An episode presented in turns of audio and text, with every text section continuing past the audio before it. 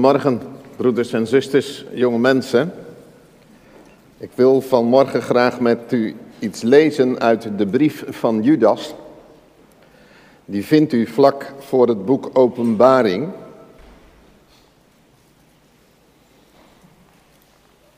Het is een korte brief, bestaat uit één hoofdstuk. En ik wil graag daarvan de eerste twee versen als inleiding op de woordverkondiging met het thema geliefd en bewaard met u lezen. Ik lees dat vanmorgen uit de NBG-vertaling.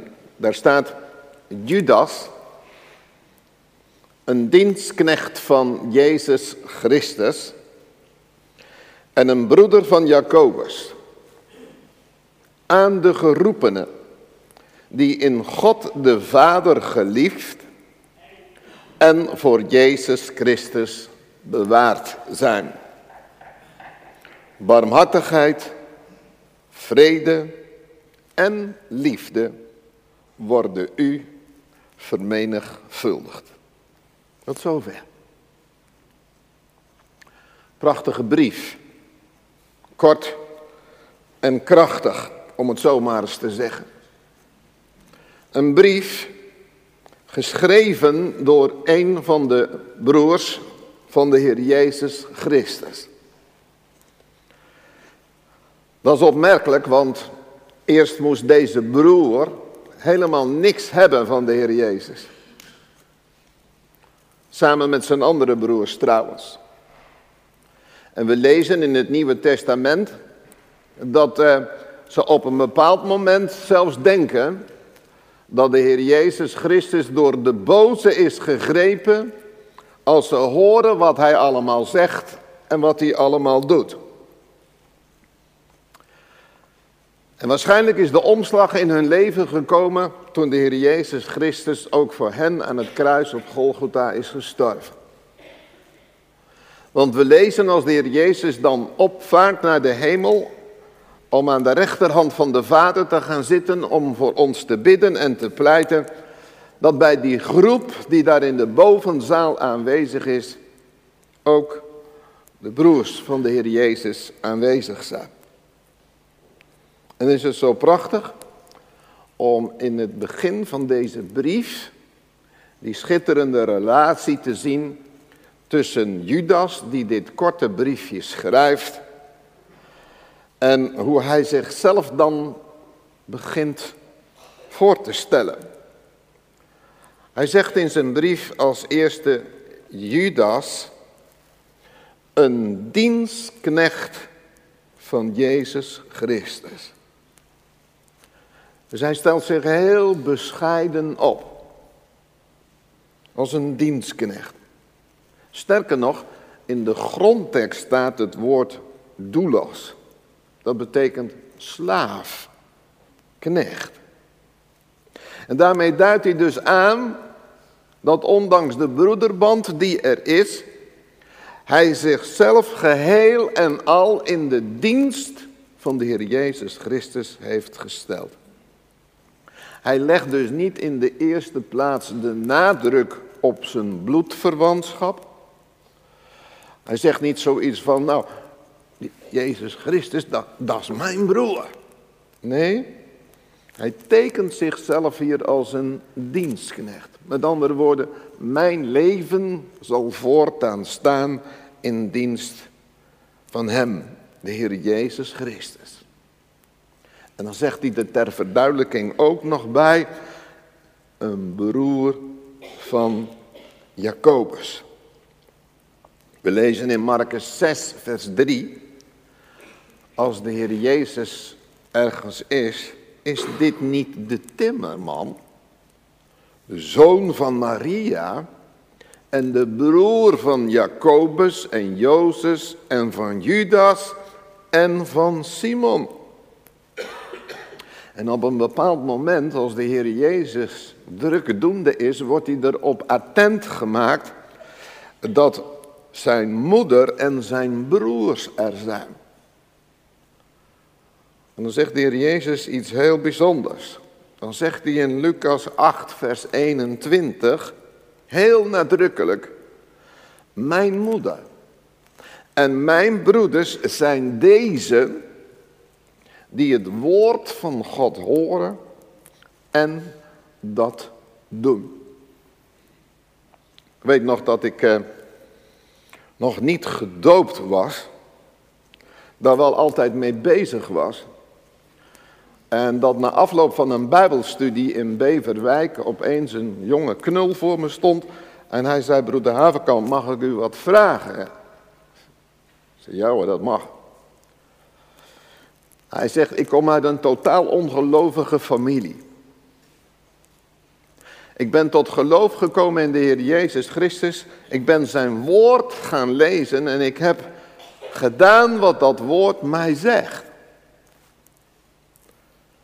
Hij zegt, nou hoor ik u altijd in de Bijbelstudie zeggen, horen naar het woord van God betekent in je geestelijk leven dan ook gehoorzamen wat dat woord tegen je zegt, wat dat woord tot je spreekt. Ik zei, ja, dat geloof ik van ganser harte. En zo hoort het ook. Horen naar het woord van God is gehoorzamen wat dat woord persoonlijk tegen je zegt. Hij zegt, toen ik dat woord van God ben gaan lezen, kwam ik bij een bepaalde passage en daar stond dat de Heer Jezus tegen de mensen zegt, als ze opeens tot het inzicht komen wat ze met hem als de verlosser, de zaligmaker hebben gedaan, dat ze dan tegen hem zeggen, wat moeten we doen om behouden te worden? En dan zegt Petrus heel simpel, geloof in de Heer Jezus Christus en laat u dopen. Ik zei ja en? Hij zegt nou, u, u zegt altijd horen moet gevolgd worden door gehoorzamen. Hij zegt, weet je wat ik gehoord heb? U hebt een doopdienst geleid. Zei, ja dat klopt, je bent goed geïnformeerd. Hij zegt, maar als ik nog beter geïnformeerd ben, u bent niet eens zelf gedoopt. Hoezo elke keer tegen ons zeggen, horen naar het woord van God is gehoorzamen? U, u doet zelf niet wat, uh, wat het woord van God zegt. Heer Jezus zegt ook op een gegeven moment tegen de discipelen, wat noemen jullie mij heren, heren? En je doet niet wat ik zeg. Weet u wat mijn natuurlijke mens uit Havenkamp op dat moment dacht? Snotneus. En jij mij even vertellen?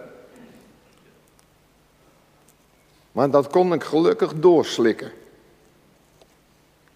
En ik zei over drie weken ga ik jou vertellen wat mijn antwoord op jouw vraag is. Weet wat het wonder was? Binnen die drie weken ben ik gedoopt samen met mijn eerste vrouw. En ik kon tegen hem zeggen, ik ben gehoorzaam geworden aan het woord. Mijn broeders en zusters zijn zij die het woord van God horen en dat doen. En dan gaat er een nieuwe wereld voor je open. Dat heeft ook Judas ervaren. En daarom kwam er in zijn, in zijn hart een verlangen om dit korte, kernachtige briefje zo op zijn plaats voor het boek Openbaring, waarin al die oordelen die over de wereld gaan komen, ook in de grote verdrukking kenbaar worden gemaakt. En dan zegt hij aan wie deze brief geschreven is. Aan de geroepenen. Wie zijn dat nou? Als het goed is, bent u dat. Ben ik dat. Als het goed is, dan kunnen we met Petrus zeggen dat ook wij door genade, door het volbrachte werk van de Heer Jezus, wat we net ook in zo'n prachtig lied hebben bezongen, geroepen zijn vanuit de duisternis tot zijn heerlijk en wonderbaar licht. Wij leven in een tijd waarin de duisternis zich doet gelden. Kon je zo tegen kerst nog geconfronteerd worden met Emmeloord in Nederland. De prachtige beelden die die zandkunstenaar maakte. Nu komt er iemand namens de vorst van de duisternis om beslag te leggen op geesten van mensen. En wij zijn geroepen om vanuit de duisternis niet alleen maar tot zijn heerlijk en wonderbaar licht te komen door genade, maar ook om daarvan te getuigen. Wat dat licht in ons persoonlijke leven heeft gedaan. Ook Paulus schrijft daar jubelend over. Hij zegt, u was voorheen duisternis. Maar in de Efezebrief schrijft hij dat, maar nu bent u licht in de Here. En dat heeft geweldige, geweldige consequenties. Ook voor uw persoonlijk geestelijk leven. Want dan lees ik in het vervolg van dit vers. Judas, een dienstknecht van Jezus Christus en een broeder van Jacobus aan de geroepenen. En ik hoop zo van ganser harte dat u allemaal hoofd voor hoofd, of je nou jong bent of ouder bent geworden, dat je het persoonlijk eigendom van de Heer Jezus Christus weet. Ga anders niet weg vanmorgen. Maar open je hart en open je leven, net als Judas dat heeft gedaan op een bepaald moment, door God te danken dat hij het oplossing voor jouw zondeprobleem in en door de Heer Jezus Christus gezonden heeft. En dat je dat mag aannemen om nu voor eeuwig zijn kind te zijn. En dan raken mij die twee woorden, een broeder van Jacobus aan de geroepenen, die in God de Vader geliefd zijn en voor Jezus Christus bewaard zijn. Wat is dat een geweldig voorrecht. Ik hou van het lied. Ja, zijn liefde zocht mij. En zijn bloed dat kocht mij. Door genade ben ik nu een kind van God. Voel ik dat altijd? Nee. Want soms spreken mijn gevoelens een totale andere taal. Vooral als de spanning, als de moeite, als de zorg, als de verdriet in mijn leven komt. Denk ik dat altijd? Nee. Want soms worden je gedachten heel erg in beslag genomen door datgene wat je voelt, door datgene wat je meemaakt.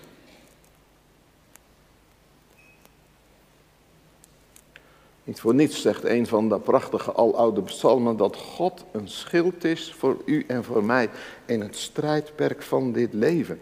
En, en, en we horen zo het een en ander van elkaar. En dan is dan mooi dat je boven alles mag weten, zegt Judas in dat hele kleine korte briefje. Je bent iemand die in God de Vader geliefd is. Wat kun je soms nog worstelen met jezelf. En met je zelfbeeld. En hier zegt Judas, broer van de Heer Jezus. Onthoud toch boven alles dat je in God de Vader geliefd bent. Er is een lied wat zegt, ik ben een koninklijk kind, door de Vader bemind en zijn oog rust zo teder op mij. Weet je waar ik vroeger altijd bang voor was? Vooral als kind. Op dat oog van God. Want die me overal volgde. En dat hij ook precies aantekeningen maakte van wat ik allemaal verkeerd deed. Weet je wat je dan krijgt? Dan krijg je angst voor God. Ik weet niet of ik het hier wel eens verteld heb, maar er was een voorganger die, eh, die, die had naast zijn pastorie had hij een heerlijke fruittuin. En als hij dan categorisatie had gegeven, dan ontdekte hij in de periode dat het fruit tot, tot, tot, tot wasdom, tot rijpheid was gekomen, dat zijn kattegezanten regelmatig de tuin indoken om dat fruit weg te halen. Dat vond hij niet leuk. En hij dacht, ik zal ze. Dus wat deed hij? Hij plaatste een bord in zijn tuin. En op dat bord stond, God ziet alles. En denk, nou, nou is het wel afgelopen. Maar pech dan. Want na de volgende categorisatie ging de dominee polshoogte nemen in zijn tuin. En toen zag hij dat er weer heel veel fruit weg was. En het bord was ook veranderd. Want op het bord had een van degenen die in die tuin was geweest geschreven onder de tekst: God ziet alles, maar hij verraadt ons lekker niet.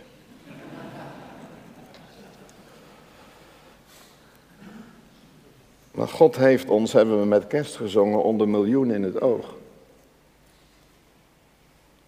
En God wil niets liever dan u en mij met zijn liefde vergezellen. Ik lees in de kronieken dat prachtige vers dat Gods ogen gaan over de ganse aarde. Om krachtig bij te staan en ieder wier hart volkomen naar hem uitgaat. Aan dat verlangen moet je dus wel voldoen. God op de eerste plaats in je leven. En dan mag je weten, ik ben in God de Vader geliefd. Dan mag je nog iets weten.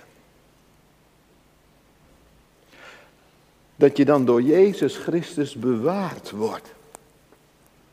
Judas gaat dus nog een stap verder door te zeggen dat wij ook nog bewaard worden bewaard worden voor die heerlijke toekomst die straks openbaar gaat worden als de shofar gaat klinken. Nou, ik heb thuis ook zo'n dingetje. Maar goed dat ik vanmorgen niet voorgeblazen had, want u, u, u, bent dan weggelopen uit de gemeente. Onze zuster die deed dat prachtig. Zal wel enige oefening vereisen. Maar wij worden voor een geweldige toekomst bewaard. Want de Heer Jezus Christus zegt een prachtig lied in opwekking, geeft ons kracht voor vandaag, hoe moeilijk dat ook kan zijn, en blijde hoop voor de toekomst, hoe moeilijk dat ook kan zijn. Maar wij zijn dus in God de Vader geliefd en door Jezus Christus bewaard. Dat zijn twee steunpunten in ons geestelijk leven, in het strijdperk van dit leven. En als de omstandigheden ernaar zijn dat we eigenlijk te neergedrukt op deze aardbodem, in deze polder rondlopen, dan zegt de Heer Jezus, hef je hoofd omhoog. En zeg tegen jezelf, aard, ik ben in God de Vader geliefd. En ik word door Jezus Christus bewaard. Ik ben in God de Vader geliefd en door Jezus Christus bewaard. Dan ga je vanzelf omhoog kijken. Of je deelt je nood met iemand. En zegt, wil je mij helpen om weer omhoog te kijken? Me er weer aan te herinneren dat ik in God de Vader geliefd en door Jezus Christus bewaard word. Wat zo bijzonder is, in het Grieks staat er geen, geen voorzetsel voor. Dus je mag lezen dat je door Jezus Christus bewaard bent. Dat je voor Jezus Christus bewaard bent. En ook dat je in Jezus Christus bewaard bent. We moesten er vanmorgen al vroeg uit. En we hebben in de auto naar het EO-programma geluisterd op de zondagmorgen. En daar sprak een broeder over het hoge priesterlijke gebed. En hij haalde deze tekst ook aan uit Johannes 17, vers 11, waar de Heer Jezus bidt. En dan moet je je dat voorstellen. Hè? De Heer Jezus staat daar vlak voor zijn verzoenend lijden en sterven. Vlak voor het moment dat hij aan het kruis gaat. En je zou denken, nou als mij iets belangrijks staat te gebeuren, dan kan ik alleen maar daaraan denken. Aan de operatie of aan het proces wat uh, gaat plaatsvinden. Of, of, of, of noem het maar op. Maar de Heer Jezus is niet vol van zichzelf. Hij weet wat er gaat komen. En dan zegt hij in Johannes 17, vers 11 zo prachtig. Heilige Vader, bewaar hen die u mij gegeven hebt in uw naam. Waarom? Opdat zij allen één zullen zijn zoals wij. Over bewaring gesproken. Trouwens, over bewaring gesproken. Zou eens met mij willen opzoeken wat er staat in Johannes 10? Johannes 10. Dat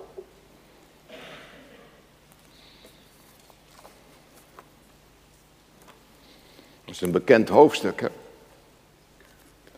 is het hoofdstuk waarin de Heer Jezus zegt dat Hij gekomen is als een goede herder om ons leven te behedderen. En om ons leven te geven en overvloed. En dan moet u eens kijken wat er staat in Johannes 10, vers 27. Daar begin ik te lezen. Daar gaat het heel specifiek over hen die in de Heer Jezus Christus geloven. En dan zegt hij in vers 27, mijn schapen, heb je het weer, horen naar mijn stem. En ik ken ze. Voor de Heer Jezus bent u geen nummer. Voor God bent u geen nummer. In deze maatschappij worden we meer en meer een nummer.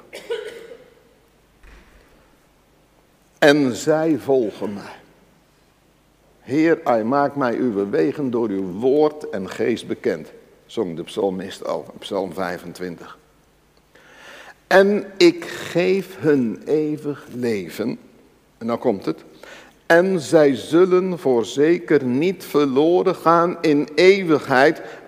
En niemand zal ze uit mijn hand roven.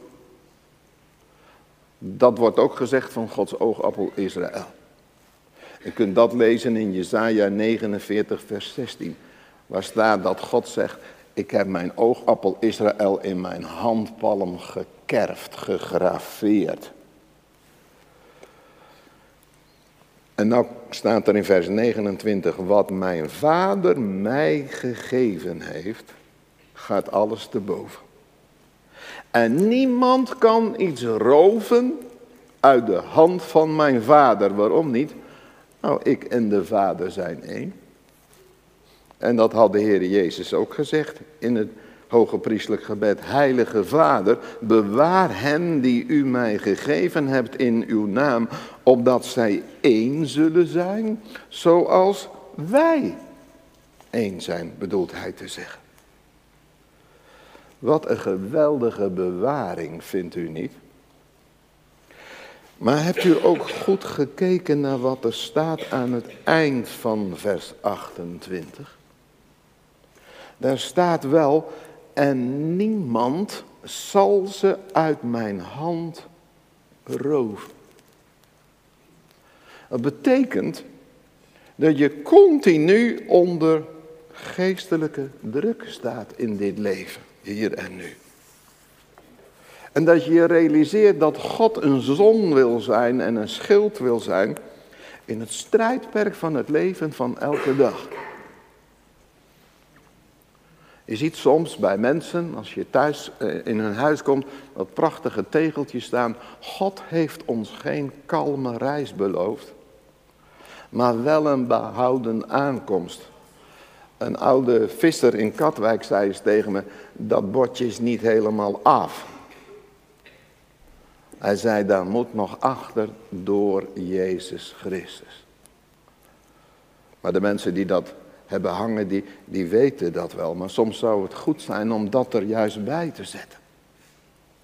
Want we zien aan de andere kant in deze tijd meer dan ooit dat Satan rondgaat als een briesende leeuw, zoekende wie hij zal kunnen verslinden.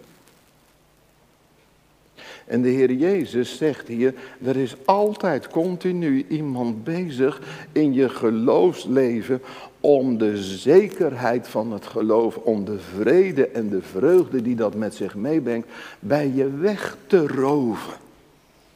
En dan is het heel goed om weer terug te gaan naar het begin van dit hoofdstuk. Dat je in God de Vader geliefd bent en door Jezus Christus bewaard wordt. Niemand zal je uit mijn hand roven.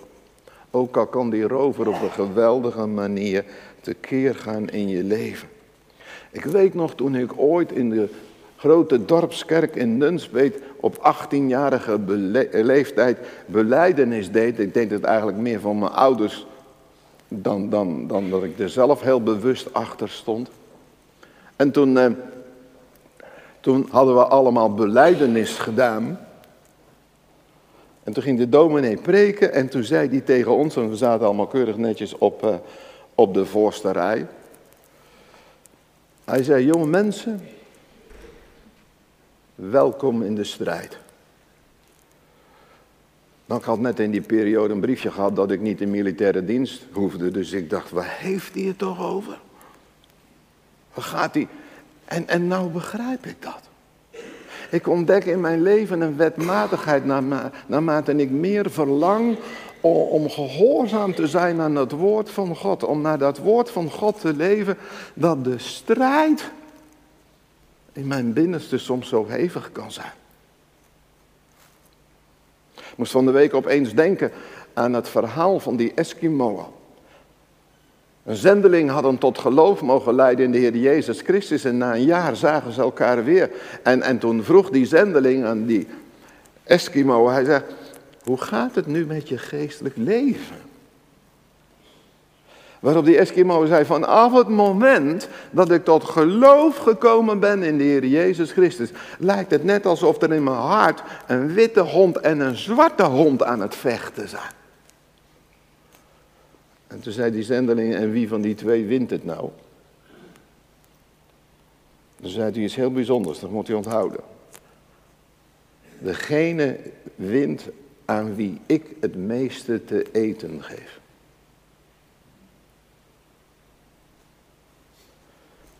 Satan gaat rond als een briesende leeuw. Sterker nog, hij doet zich in deze eindtijd voor als een engel van het licht. En dan komt het erop aan dat je niet alleen maar mag weten dat je in Christus geliefd en bewaard bent door zijn volbrachte werk. Maar dan moet je ook jezelf bewaren. Want we gaan weer even terug naar die korte brief van Judas. Want wat lees ik dan in vers 20? En dat is een opdracht. Dat is ook een opdracht om gehoor te geven aan de prachtige aanbiddingsliederen die we vanmorgen hebben gezongen. Dat als je straks van hier gaat, dat je leven tot eer en glorie van God is. Dat mensen aan jou en mij gaan zien dat wij inderdaad geroepen zijn vanuit duisternis tot zijn heerlijk en wonderbaar licht. En wat staat er dan in Judas vers 20. Maar gij, geliefden. Dat staat verschillende keren in deze brief. Geliefden, geliefden. En wat staat er dan? Bewaart uzelf in de liefde van God. Dus dan moet ook goed op jezelf passen. Je moet ook goed op je geestelijke leven passen. Je moet heel goed passen op de relatie die je door genade, door de Heilige Geest met God de Vader en God de Zoon mag hebben. Bewaar jezelf in de liefde van God. Hoe doe je dat nou? Hoe geef je daar nou als je straks dit gebouw verlaat? Hoe geef je daar nou inhoud aan? Nou, dat staat erbij. Door uzelf op te bouwen in uw allerheiligst geloof. Hoe bouw je jezelf nou op in dat allerheiligst geloof? Nou, de Bijbel zegt, Geloof is uit het horen. En het horen, dat is uit het woord van God. We leren het de kinderen. Maar zien ze het ons ook doen? Lees je Bijbel. Bid elke dag. Dat je groeien mag. Kijk, en dat is het tweede wat genoemd wordt. En door te bidden in de Heilige Geest. En bidden in de Heilige Geest, dat wil zeggen, Heer, ik wil mij volledig openstellen voor u. Wilt u door uw woord en door uw geest mij bekend maken welke wegen ik deze week heb te gaan. Wat u van mij verwacht. Om in deze hopeloze wereld te getuigen van het feit dat er in u een eindeloze hoop is. Dat niets en niemand ons ooit nog zal kunnen scheiden van de liefde van God welke is in Christus Jezus. Maar gij geliefden, bewaart uzelf in de liefde van God. Door uzelf op te bouwen in uw allerheiligst geloof. Uw allerheiligst geloof. Dat is een hele persoonlijke zaak. En God dat onze man, onze vrouw, onze vader, onze moeder dat laat zien. Die relatie met de vader die je lief heeft. En met de zoon die je bewaart. En te bidden in de Heilige Geest als tweede en als derde. Verwachtende de ontferming van onze Heer Jezus Christus ten eeuwige leven. Spoedig zal de bazuin klinken. De tekenen van de tijden wijzen erop dat de komst van de Heer Jezus Christus aanstaande is. En in de tijd van Noach sloot God zelf de deur. En toen was er voor de mensheid in die tijd geen redden meer aan. Nu leven we nog in de genadetijd. Maar spoedig sluit God de deur van de genade. En mocht je dan ooit van de Heer Jezus gehoord hebben en geen keuze gemaakt hebben, dan zegt de tweede Thessalonicense brief, dan zendt God een dwaling, zodat je hem niet meer gaat vinden. Kies dan heden wie je dienen zult. En als je door genade mag weten, zijn liefde zocht mij, zijn bloed dat kocht mij. Ik ben een koninklijk kind, door de Vader bemind. En zijn oog rust niet meer veroordelend op mij, maar zijn oog rust zo teder op mij. Dan heb je een boodschap voor Emmeloord en omgeving. Want er staat in vers 22, en wees ook barmhartig jegens sommigen die twijfelen. Red hen door hen uit het vuur te rukken maar wees jegens anderen barmhartig. In vrezen. Uit afkeer zelfs van het kleed dat door het vlees bevlekt is. Petrus zegt het zo en daar sluit ik mee af. In 1 Petrus 3 vers 15. Heilig God, de Heere in uw hart. En wees altijd bereid tot verantwoording aan een ieder die rekenschap vraagt van de hoop die in u is. Met zachtmoedigheid en eerbied. U bent een geroepen. In God de Vader geliefd. En voor Jezus Christus bewaard dan mag het woord van God, dan mag God zelf toch groei in uw geestelijk leven verwachten. Kijk, en dat zegt Judas aan het eind van vers 2. Barmhartigheid, vrede en liefde worden u vermenigvuldigd. En dat begint hier, in deze gemeente, in uw directe omgeving. Om het uit te dragen, zolang het nog genadetijd is. Dat je in God de Vader geliefd kunt zijn en voor Jezus Christus bewaard. Dan ben je niet zoals de wereld op weg is naar een hopeloos einde. Maar dan wacht een eindeloze hoop. En geven God dat dat in en door uw gemeente zichtbaar wordt. Tot behoud van mensen die u ook in de komende week mag ontmoeten. Om ze met dat evangelie van Gods reddende genade te confronteren. Amen. Zullen we samen bidden en danken?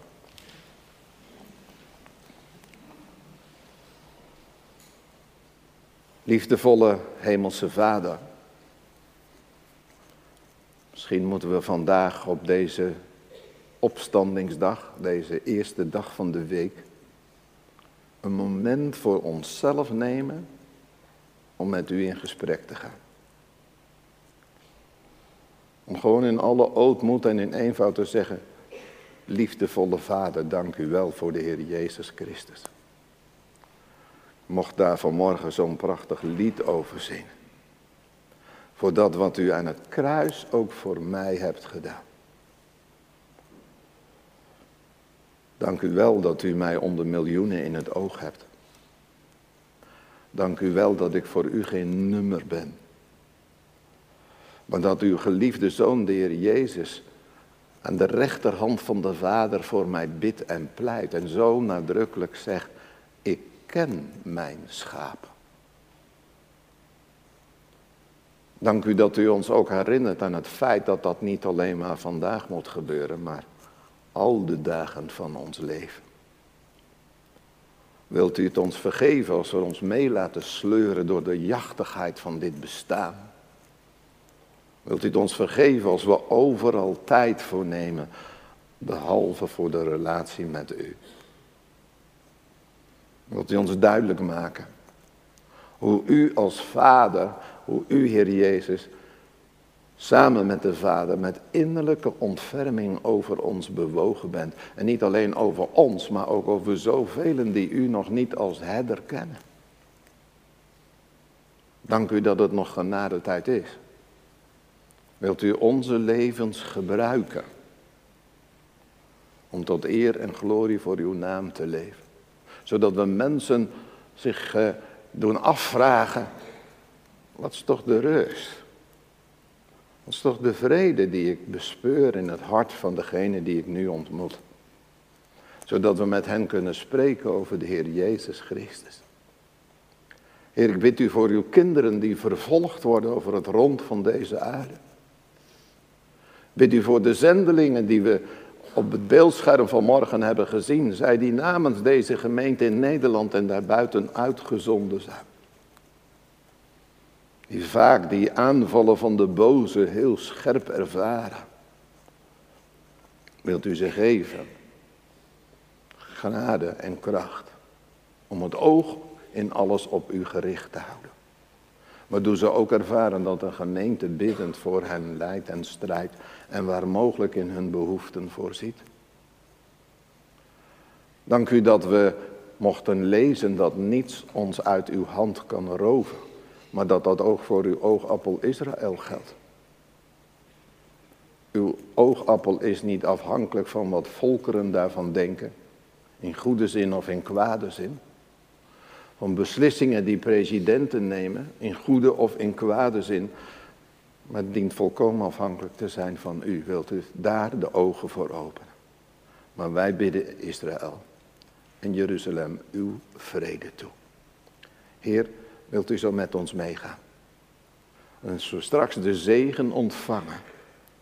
Geef dat we die zegen in ons leven uitwerken.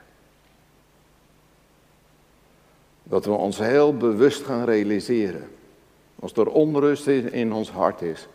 Wie geef ik nu op dit moment het meeste eten? De boze die me bij de liefde van God wil wegtrekken. Of de Heer Jezus Christus. Die zegt tegen mij. Ik waak over jouw leven. 24 uur per dag. Bid en pleit ik. Heer, Wees zo met onze broeder die zich grote zorgen maakt over de rechtszaak met betrekking tot zijn broer. Wilt u kracht en genade schenken? In zijn situatie, maar ook in die van zijn broer. En wilt u onze regering oog geven voor het feit hoe belangrijk het is dat we ook in moeilijke tijden samen familie kunnen zijn. En we bewaard worden en gespaard voor onheil, voor zover dat mogelijk is. Zegent u ons allen, hoofd voor hoofd. En bewaar ons in het geloof, doordat we niet alleen maar horen naar uw woord, maar ook het gehoorzaam zijn. Zegen zo allen die geestelijk leiding mogen geven aan deze gemeente. Bidden voor de voorganger, voor de oudsten, voor de diakenen. Voor allen die u een taak hebt gegeven, voor jong en oud. O Heer Jezus, toen u op deze aarde was, toen was er sprake van uw zijnswijze. U raakte met innerlijke ontferming bewogen over wat u zag. Leer ons zo met elkaar om te gaan. Zodat men zich in Emmeloord en omstreken afvraagt, wat is toch de kracht van die gemeente? Van die broeders en zusters. En dat ze dan ontdekken, ach zie toch, hoe lieflijk is dat die broeders en zusters die in de Heer Jezus Christus komen, te samen wonen. Je kunt wel merken, daar gebiedt de Heer zijn zegen en leven tot in eeuwigheid. Glorie voor uw grote naam. Maranatha. Halleluja. Amen.